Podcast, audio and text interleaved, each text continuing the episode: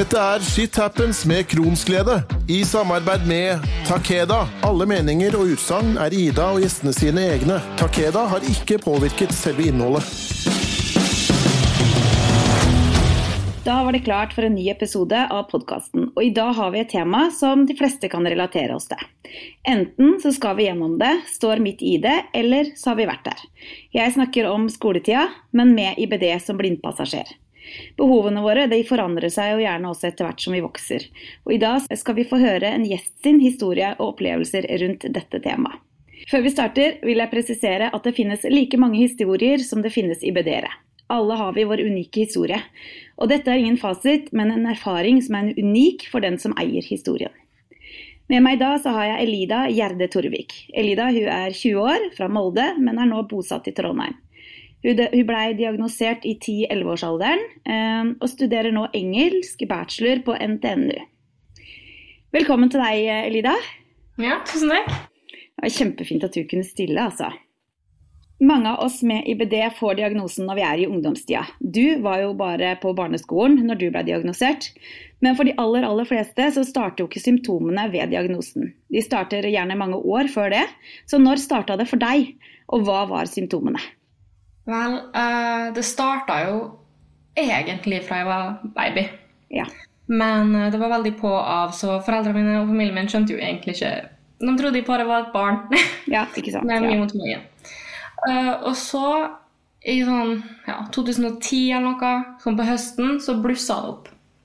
Veldig mye vondt i magen. Borte fra skolen sikkert to måneder i strekk. Ja. Uh, og så endte det opp med at læreren min ringte foreldrene mine og sa at det her er ikke bare vanlige magesmerter. Så jeg satt jo med veldig mye vondt. Veldig mye munnsår. Så det var kanskje ikke så vanskelig å finne ut til slutt. Men det var en lang vei. Ja, og det er jo gjerne det det er for veldig mange. Men du har, hvilken diagnose er det du har? Jeg har morbus Crohn. Ja, det var det jeg regna med, men det er greit å få det bekrefta. Ja. Men etter hvert som da symptomene blei verre, eh, hvordan fiksa du dette her med å gå på skolen? Altså Dette er da før du blei diagnosert. Eh, det må jo ha vært tøft? Det var veldig tøft. Uh, jeg hadde egentlig bare mye fravær. Uh, det var liksom sånn Ja, jeg dro på skolen, blei dårlig og dro hjem. Og det skjedde veldig mye. Var problemet din også at du gikk mye på do, eller var det smerter som var hovedgreia da? Vel, nå skal det jo sies at med tanke på hvor vondt du hadde, og hvor vondt det var å gå på do, så Når jeg først måtte på do, så gikk jeg jo på do, men var redd for å få veldig vondt. Uh, og nå vet jeg ikke hvordan barneskolene til folk er bygd opp, men doen er jo ganske nærme klasserommet. Som er positivt, men også ganske negativt. Ja. Så endte opp med at jeg som regel kanskje dro hjem fordi jeg bare var redd. Ikke sant. Men så blir det jo til slutt så ille at du blir mest sannsynligvis innlagt, eller hva skjedde? uh, jeg og mor mi vi dro til en barnelege i Molde. Uh, og først så var det veldig mye snakk om at det ikke var noe morbus Crohn eller noe sånt. Det var liksom ikke noe de tenkte på. For vi var jo ung. Ja. Og det var liksom en De var redd at det var noe annet. Men så jo verre det blei, jo mer nervøs ble mor mi. så hun endte opp med å presse oss inn og snakke med legen en gang til. Og endte opp med at jeg ble sendt til Kristiansund. Ja. Og der ble jeg innlagt og gjort tester på. Og dagen etterpå Ja, nei, du kan dra hjem. Du har morbus Crohn. Ja, Så det var så enkelt på en måte å få diagnosen når du bare blei eh, tatt på alvor på riktig sted? Ja. Var kontakten med skolen god på det tidspunktet som du var på en måte på det aller sykeste? Følte du deg ivaretatt fra selve skolen? Altså, det her var jo da på barneskolen. Ja, øh, de var jo veldig flinke til å tilpasse for meg, da. Det var gjerne sånn satt med bakerst der døra var til doen. Uh, de hadde også De tilbød seg å forklare til klassen og medelever hva som var greia. Uh, så det gjorde de. Så da fikk hele klassen en liten forståelse. Eh, og de var egentlig bare veldig snille med å tilpasse. Det ga meg PC å skrive på når fingrene mine gjorde vondt pga. sykdommen. Eh, så de var veldig, veldig flinke. Så bra. For det er jo eh, i hvert fall en glede å høre at de tar både deg og sykdommen alvorlig. Fordi det er jo alfa og omega da, for at du skal kunne klare å gjennomføre skolen videre, og spesielt i så ung alder. Men så er det jo eh, sånn at eh, du har fått diagnosen, eh, du skal leve videre med dette her. Hvordan var det for deg? Og da tenker jeg ikke på i forhold til skolen, men i forhold til deg som person.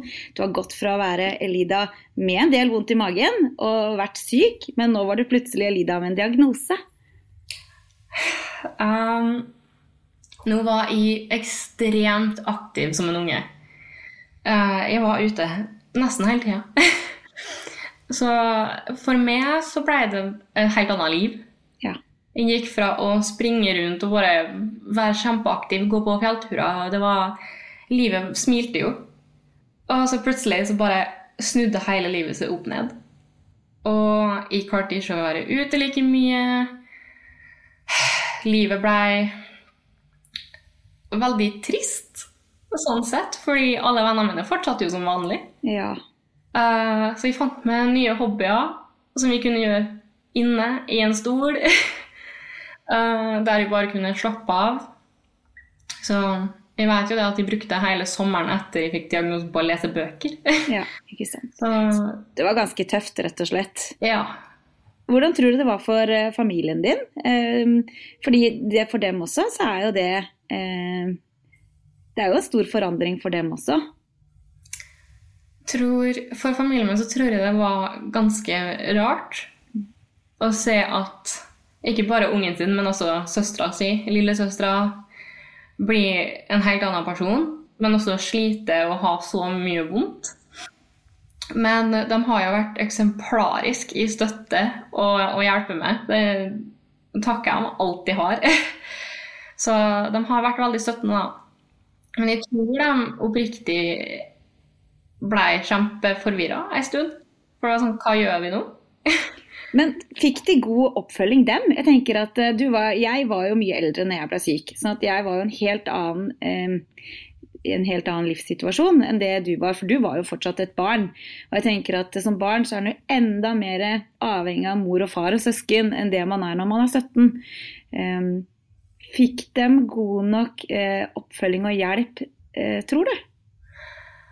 Eh, der er, der er litt sånn 50-50. Ja. For uh, mor mi var dialysesykepleier sjø. Ja. Når jeg var liten. Så hun hadde, hun hadde en kollega som hadde morbusskron. Og så hun fikk jo litt tips der. Uh, og hun var alltid den som var med på legekontoret som regel. Så hun fikk ganske mye informasjon, så hun var flink til å spre det videre. da. Men så er jo familien min vi, i slekta, og vi har en del autoimmune sykdommer. Så det var ikke nytt å ha en autoimmun sykdom i familien, eller i nærmiljøet. Eh, så er det vel ei til i nærmiljøet som har morbus Crohn. Så det var, det var, ikke helt nytt. Nei. Men, så du eh, tenker at de tilegna seg den viktige informasjonen litt selv? Da? Hvordan var det jeg fikk også jeg tenker sånn i forhold til eh, oppfølginga fra sykehuset altså At mor di tar den, eh, den, rollen med å finne informasjon, er jo kjempefint. Men fikk hun eh, søstera di, fikk eh, faren din, fikk de noe oppfølging fra sykehuset, dem som pårørende? Jeg husker ikke det. Nei. Jeg tror, jeg tror det bare var at vi fikk en del informasjon når vi var der, og så ble det videreført av som sagt mamma. Kan i hvert fall ikke huske at sykehuset fulgte opp. Nei, ikke sant. Og det er jo sånn det er for veldig, veldig mange. Eh, jeg vil gjerne spørre deg om en ting. For etter at du hadde fått denne diagnosen, så var det jo eh, Du var jo tilbake på skolen de dagene som du klarte det. Og du, selv om livet ditt var annerledes, så prøvde du jo virkelig å leve et liv så godt som, som mulig. Eh, du har en historie som du rett og slett sier ga deg litt skrekken, og som gjorde deg veldig engstelig i forhold til dette med å rekke do. Eh, kan du ikke fortelle oss eh, litt om det? Jeg tror mange kan relatere seg til det, nemlig. Jo. Um, så det starta egentlig bare med at det var veldig vondt å gå på do. Eh, Så det var liksom gjerne sitte og skrike i alt fra en halvtime til to timer. Det var bare rein smerte. Alt var fælt, alt var vondt. Så Og så var det gjerne ingen for... Det var ikke noe forvarsel, det var bare spring. så um, Ja, skrekken kom jo egentlig bare at det var veldig vondt. Um, jeg har jo hatt opplevelser der det ikke alltid har funka å komme seg i tide. Men eh, veldig få i forhold til hvor lenge jeg har vært sjuk. Men eh, det er smerter som har vært det verste. Når du legit bare sitter og griner ut alt du har.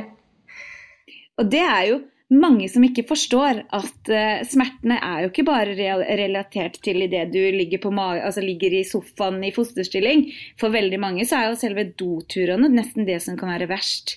Um, og det er jo så ille at man både besvimer og, og uh, ja, Det er fryktelig, fryktelig smertefullt. Og jeg må si at uh, som barn da så må det ha vært kjempe, kjempetøft. Både for deg, men også for pårørende rundt deg.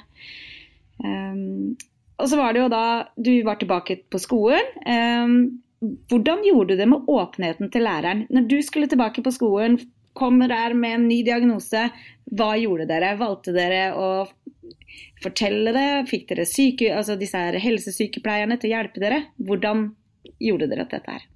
Vel, uh, vi var vel egentlig veldig åpne uh, med dem når vi kom tilbake.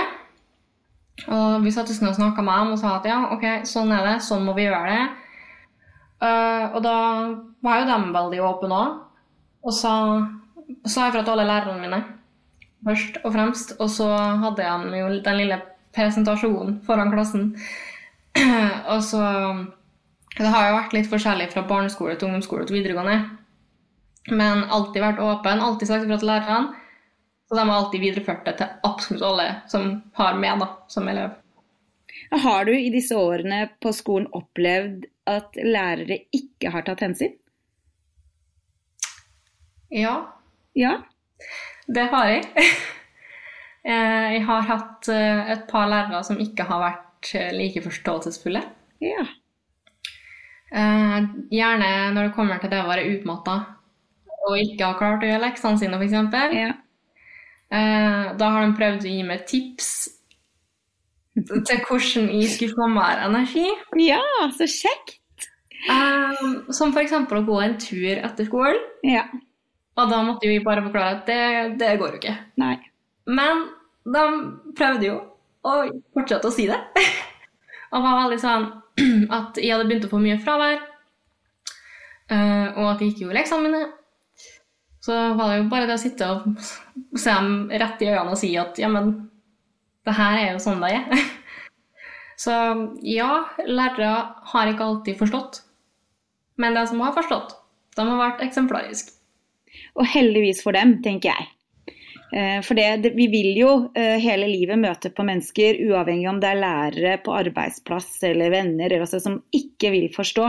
Eh, Derfor så tenker jeg at det viktigste er jo å prøve å ja, relatere oss til dem som faktisk forstår, og så heller prøve da å lære opp den som ikke forstår, så godt man kan.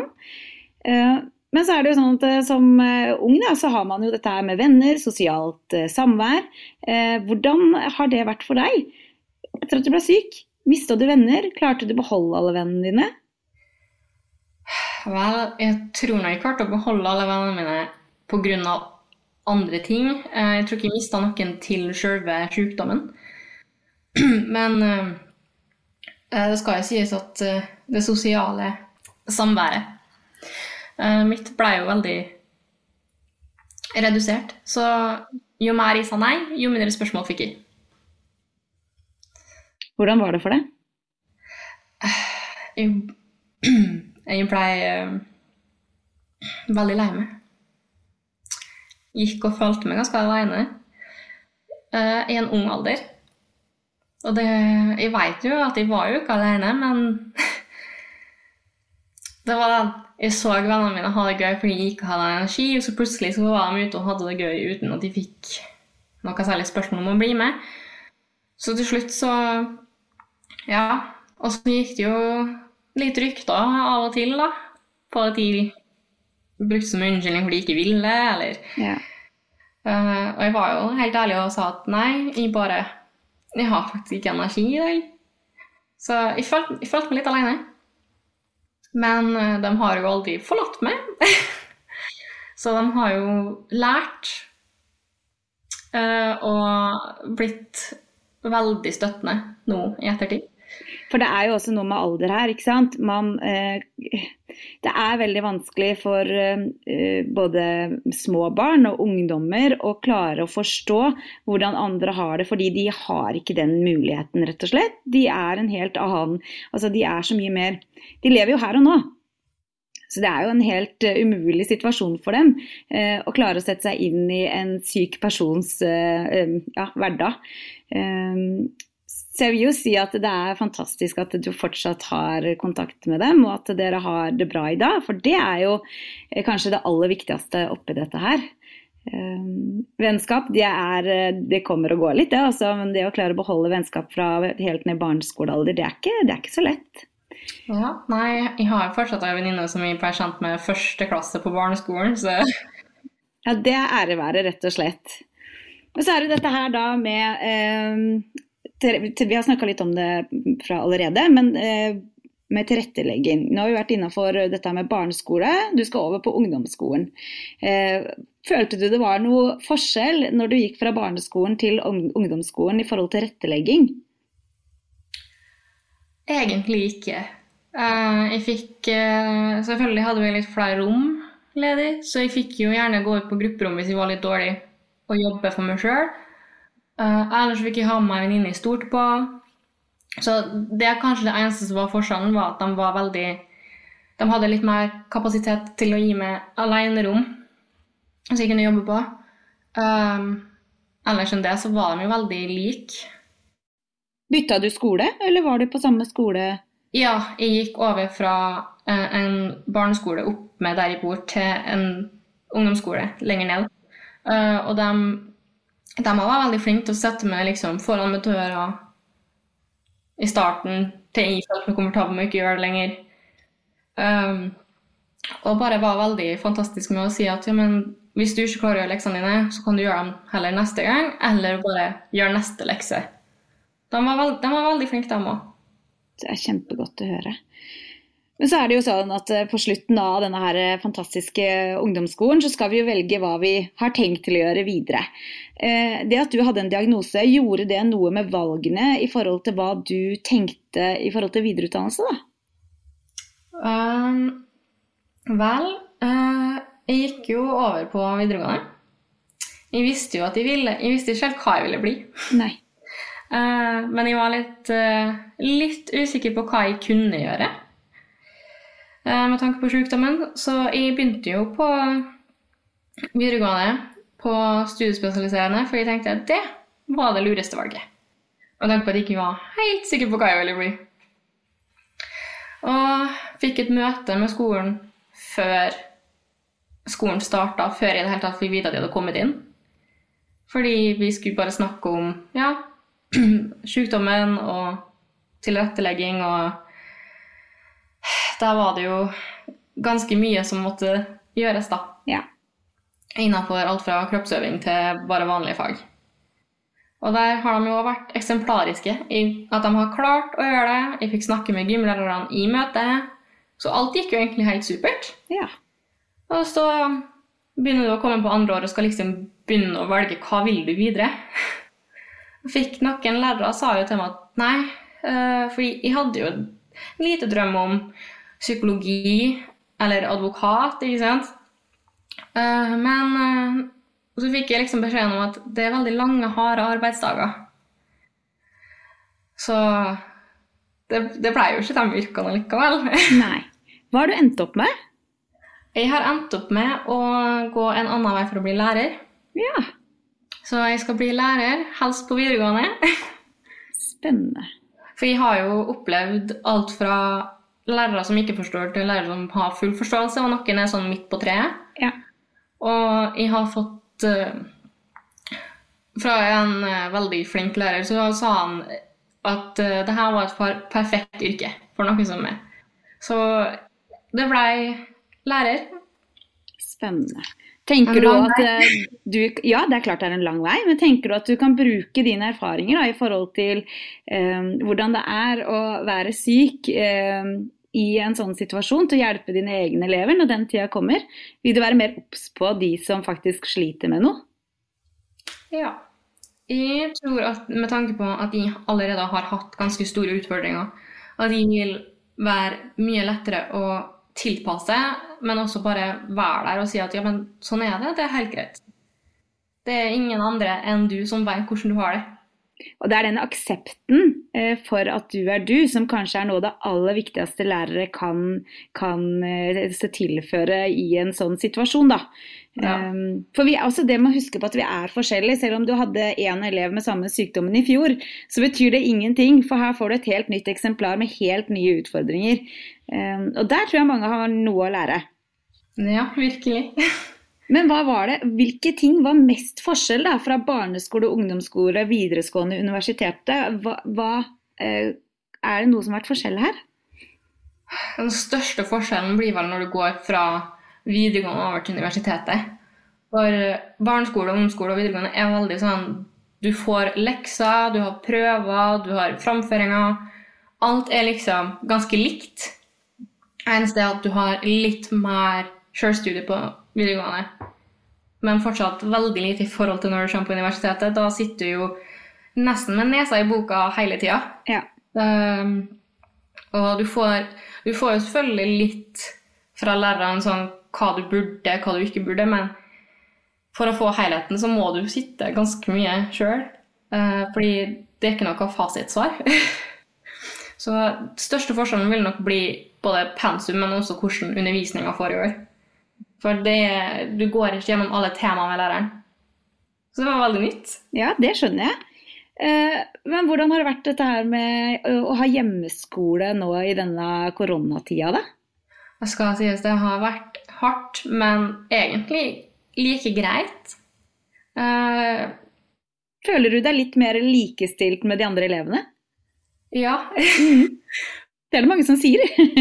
Alle sitter jo på en måte med litt samme start. Vi vet jo ikke helt hva vi går til, men Og alle er på en måte sånn Ja, nei, nå kan vi gjøre det når vi føler for det. Nå, nå kan vi gjøre det når vi vil. Uh, så jeg føler det er liksom Når jeg først har energi til å sitte og gjøre skole, så sitter jeg jo og gjør skole ganske lenge. Og jeg føler at det, det jevner meg ut med alle andre. Så det er egentlig helt greit å ha hjemmeskole nå, men også med tanke på at jeg har ingenting å stresse over. Jeg kan sitte hjemme i mitt eget hjem og bare ok, være for meg sjøl, lese i stillhet. Og det er jo ingenting å legge skjul på at stress for oss med IBD er jo virkelig en stor, eh, litt sånn skremmende faktor. Da. For, for mange så kan det virkelig være eh, en stor utfordring. Ja. Så å slippe det er jo virkelig, virkelig bra. Eh, Følte du at det å skulle bli kjent med nye mennesker, når du da bytta til universitetet f.eks., eh, var skummelt i forhold til at du har en diagnose, eller har det vært helt greit? Det har jo selvfølgelig vært skummelt. Jeg kommer jo til en by der jeg er ganske ukjent. Eh, Men de få jeg har blitt kjent med, er jo helt fantastiske folk. Og de har jo ikke sagt noe på det. Jeg har jo vært åpen med dem nesten fra dag én. Eh, For jeg, jeg fant jo ut det ganske tidlig at det var kanskje litt lurt. Ja. Eh, Så det er jo noe jeg har levd med, at jeg sier at jeg er åpen og bare sier hvordan jeg er. Og hvis det er noe for dem, så blir de jo. ja. Så langt så har de jo blitt. Musikk i mine ører, rett og slett. Det er kjempegodt å høre, for jeg tenker at eh, det er jo tøft å skulle både flytte til en ny by, dette her med å gjerne da dra langt vekk fra familie og venner, eh, og men ikke da i tillegg ikke skulle bli akseptert som den en var, da. Eh, sykdommen er en del av oss, og noe vi må bare leve med. Så det er kjempeviktig at en, en føler seg både akseptert og sett som den en er. Jeg tenker at eh, det her med å f.eks. skulle være ute på restaurant, har du hatt utfordringer i forhold til mat, kantine, sånne ting? Eller spiser du som vanlig? Hvordan har det vært for deg? Uh, jeg spiser egentlig ganske vanlig. Det eneste er sterk mat eller melk. melk. Uh, så det må gjerne være laktosefritt. Ja. Så jeg har egentlig ikke hatt noe dårlig opplevelse med restauranter. Vi velger gjerne mat jeg er ganske komfortabel med å spise, som vi vet. Som regel ikke slår ut noe. Det, er, det eneste er når du drar til en ny restaurant der du ikke vet hva som er på menyen. Og så søker du opp bare for å finne ut for sikkert om det er noe du kan spise. Ja, det er litt planlegging må til. Og det er jo kanskje stikkordet eh, med, med, alt sammen her. At eh, hvis du er litt god på den planlegginga, sjekke ut på forhånd, så er det jo mulig å gjøre det meste. Ja, virkelig. Nå er det sånn at uh, vi skal snart runde av, men uh, jeg har lyst til å spørre deg. For om du skulle gitt ett tips til noen uh, som skal f.eks. over da, fra videregående nå etter sommeren, hva ville det vært? Det ville vært planlegging men å være åpen med dem du møter. For hvis du ikke er åpen, så er det ingen som skjønner hva foregår. Nei. Og da blir man gjerne misforstått også. Og det er nesten verre enn noe. Ja. At det er utfordrende å gå på skole, det er det jo ingen tvil om. Når en da slenger på en kronisk sykdom i tillegg, så vil det uten tvil by på større utfordringer i perioder. Men utfordringer de er jo til for å løses, og jeg tror veien med Åpenhet og gi tydelig uttrykk for egne behov til skoleledelsen er veien å gå. Tusen hjertelig takk for at du kom og delte din historie med oss, Elida. Ja, tusen takk for at vi kom med. Og så må du ha lykke til videre da, med både uh, utdanninga og ikke minst tida som lærer når den tida kommer. Jo, tusen takk. Om du som hører på har spørsmål til dagens episode, ønsker om tema eller noen tips til gjester, så send meg gjerne en mail på kronsglede alfakrølloutlock.com. Jeg finnes på Facebook under Kronsglede. Husk å like sida, slik at du kan få med deg alt der. På Instagram så heter jeg shithappens understrek kronsglede. Aller viktigst, husk å abonnere på podkasten, slik at du kan få varsel når neste episode slippes. Jeg blir kjempetakknemlig for alle kommentarer, likes og delinger også. Om du lurer på hva jeg som IBD-rådgiver, foredragsholder eller konsulent kan bidra med, så må du gjerne ta kontakt om det også. Til vi høres igjen, utdannelse og tiden på skole og universitet, det er viktig. Med små grep kan tiden bli trygg, lærerik og fin. Shit happens med Kronsglede i samarbeid med Takeda.